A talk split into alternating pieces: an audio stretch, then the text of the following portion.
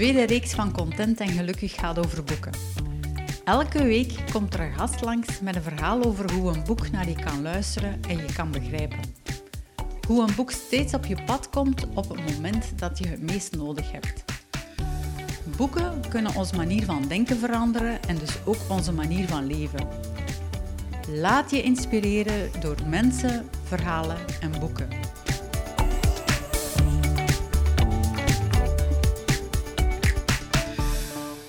Selena. Hallo. Vertel eens hoe dat je bij mij terechtgekomen bent. Ehm, ik werd dus op Facebook een, in een comment getagd onder een oproep van jou, een beetje op zoek naar boekenliefhebbers die iets willen komen vertellen. Ja. En ik heb daarop gereageerd en ik dacht, waarom niet? Ik hou graag van lezen, ik wil wel daar iets over komen vertellen.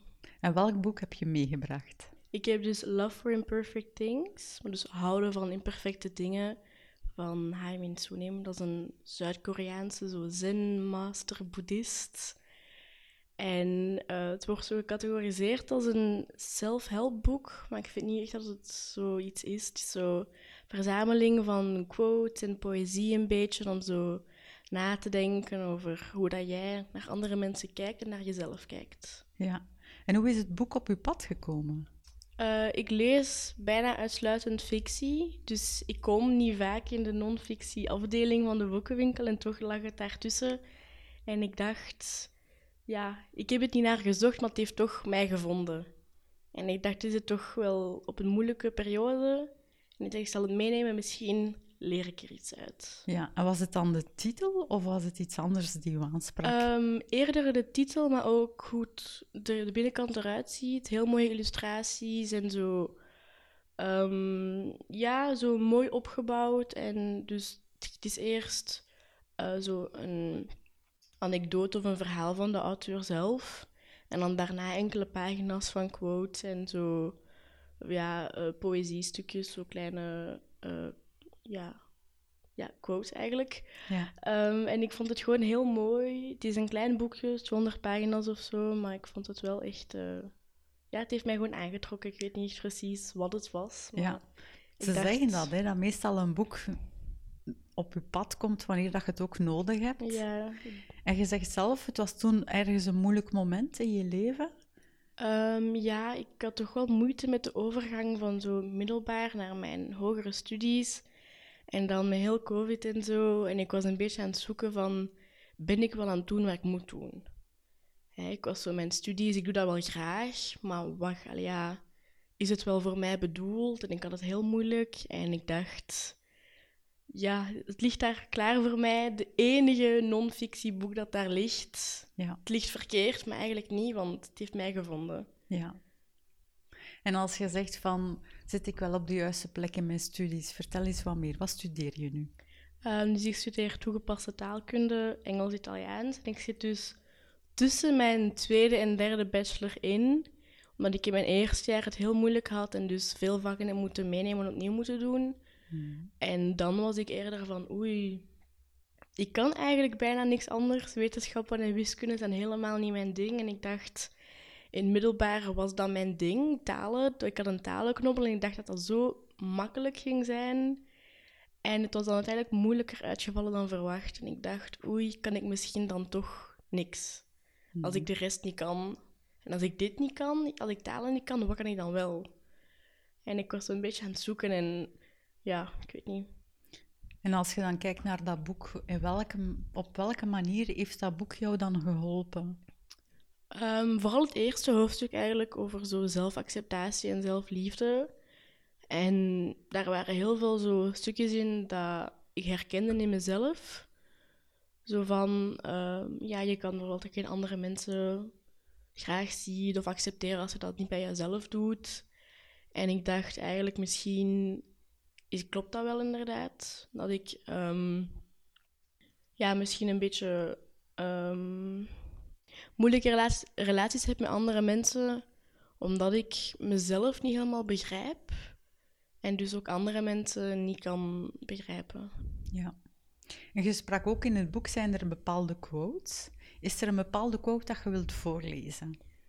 Um, ja, ik weet het niet. Er is er niet eentje echt die zo op mijn lijfspreuk is of zo. Maar ik denk de combinatie van ze allemaal laat je zo nadenken over ehm, hoe zie ik andere mensen en hoe sta ik tegenover andere mensen. Bijvoorbeeld zo, er was een stukje over ehm, dat je verwachtingen hebt van andere mensen en dat je dan teleurgesteld bent als die niet worden uitgevoerd. Ja. Maar dat zijn verwachtingen die je zelf op andere mensen geplakt hebt. Ja.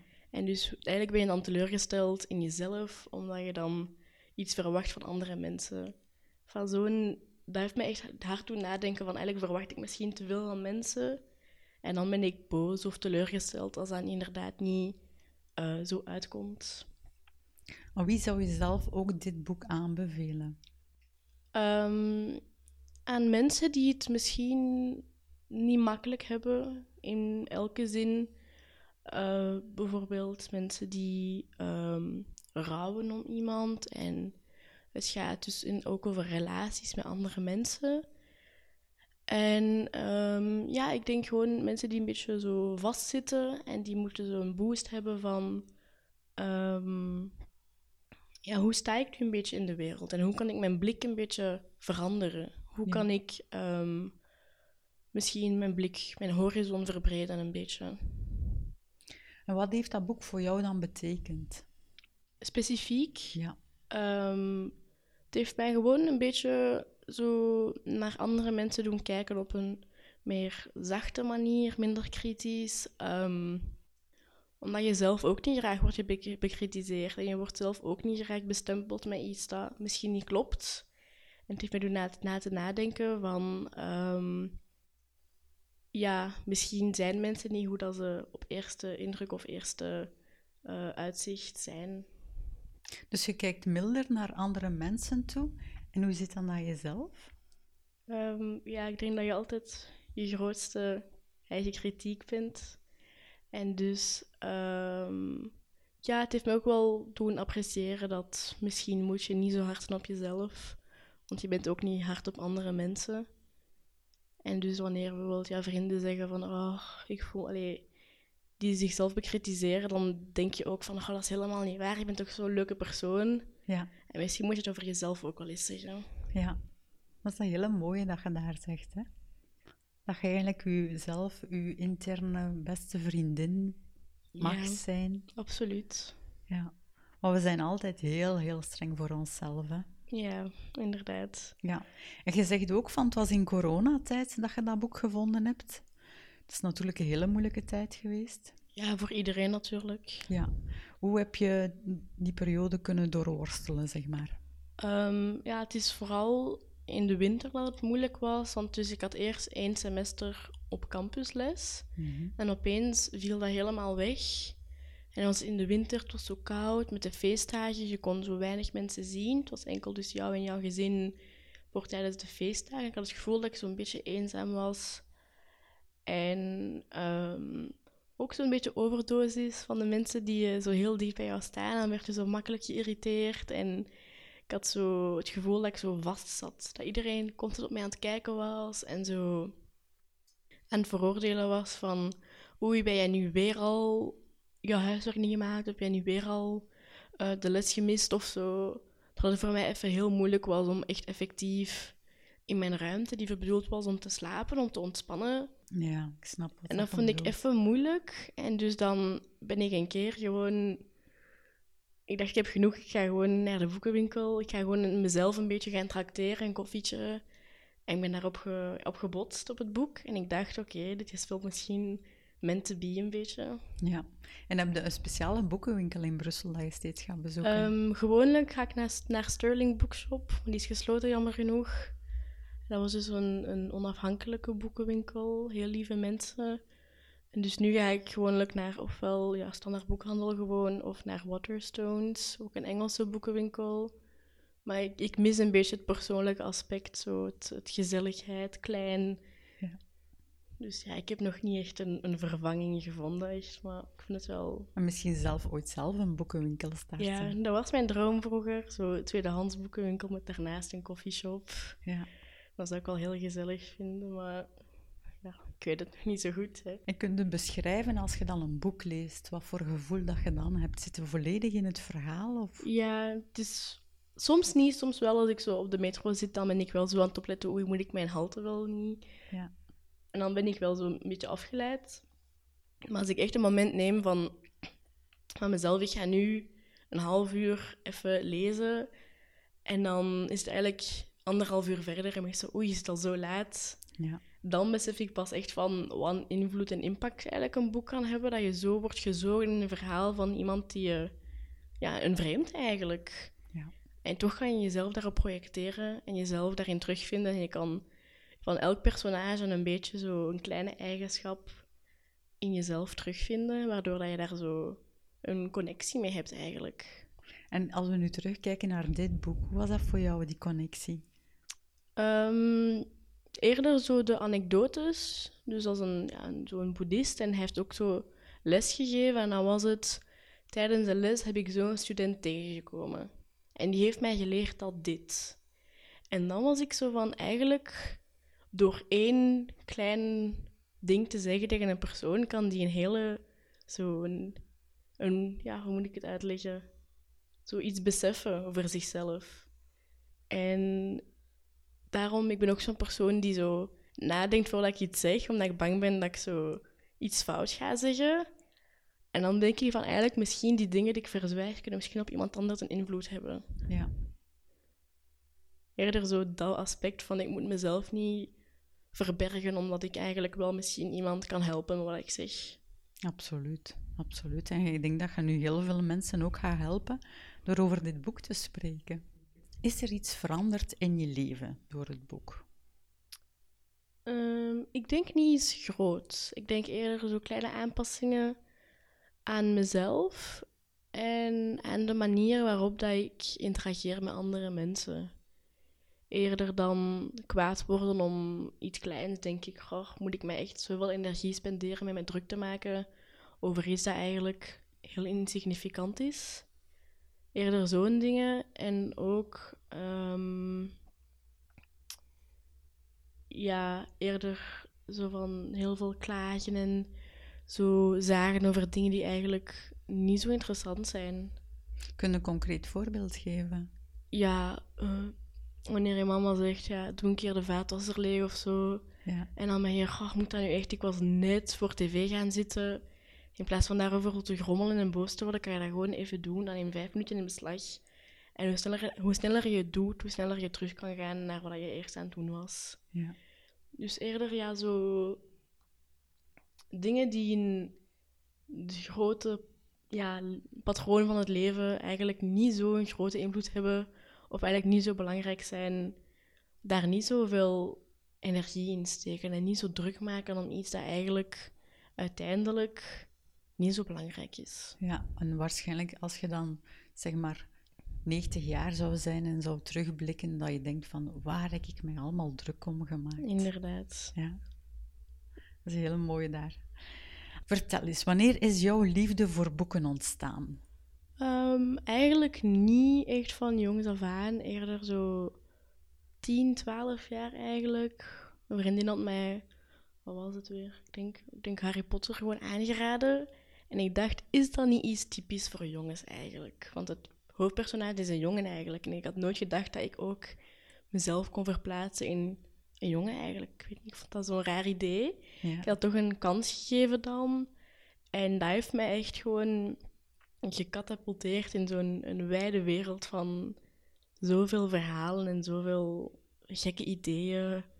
Ja, draken en monsters en zo. En ik vond dat echt super zoiets magisch proberen te vinden in een ordinaire wereld eigenlijk. Ja. En dus zo is dat verder gegaan. En dan um, een tijdje was het heel lang de bib.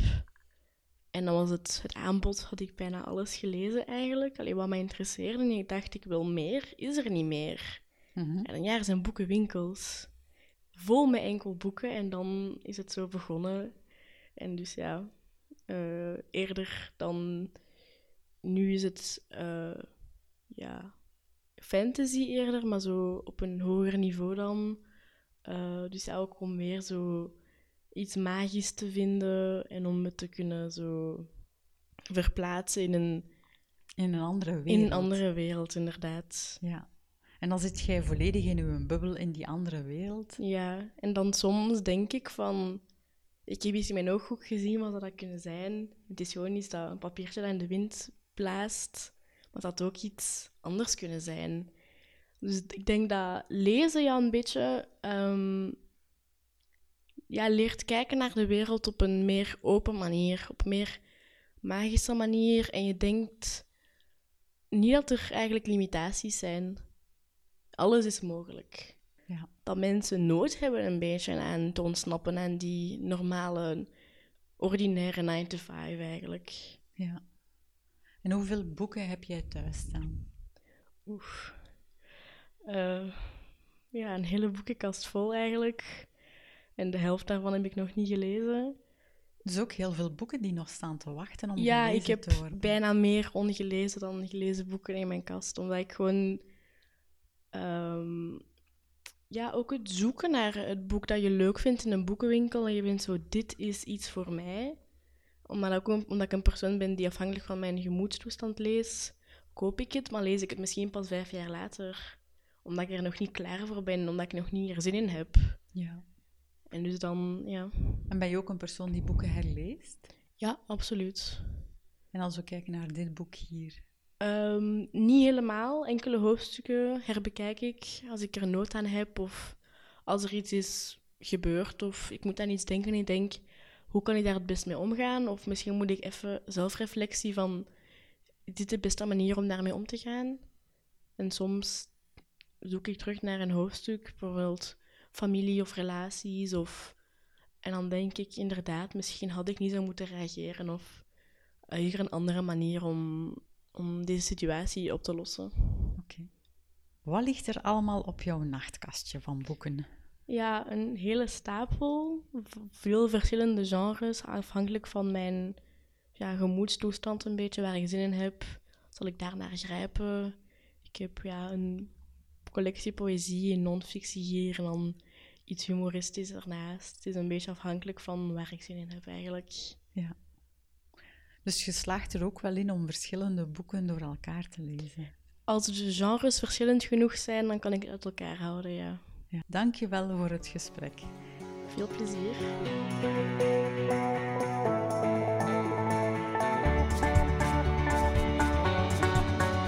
Ben jij ook nieuwsgierig naar verhalen van andere mensen? Luister naar alle afleveringen en volg me op Instagram Caroline Damai Coaching.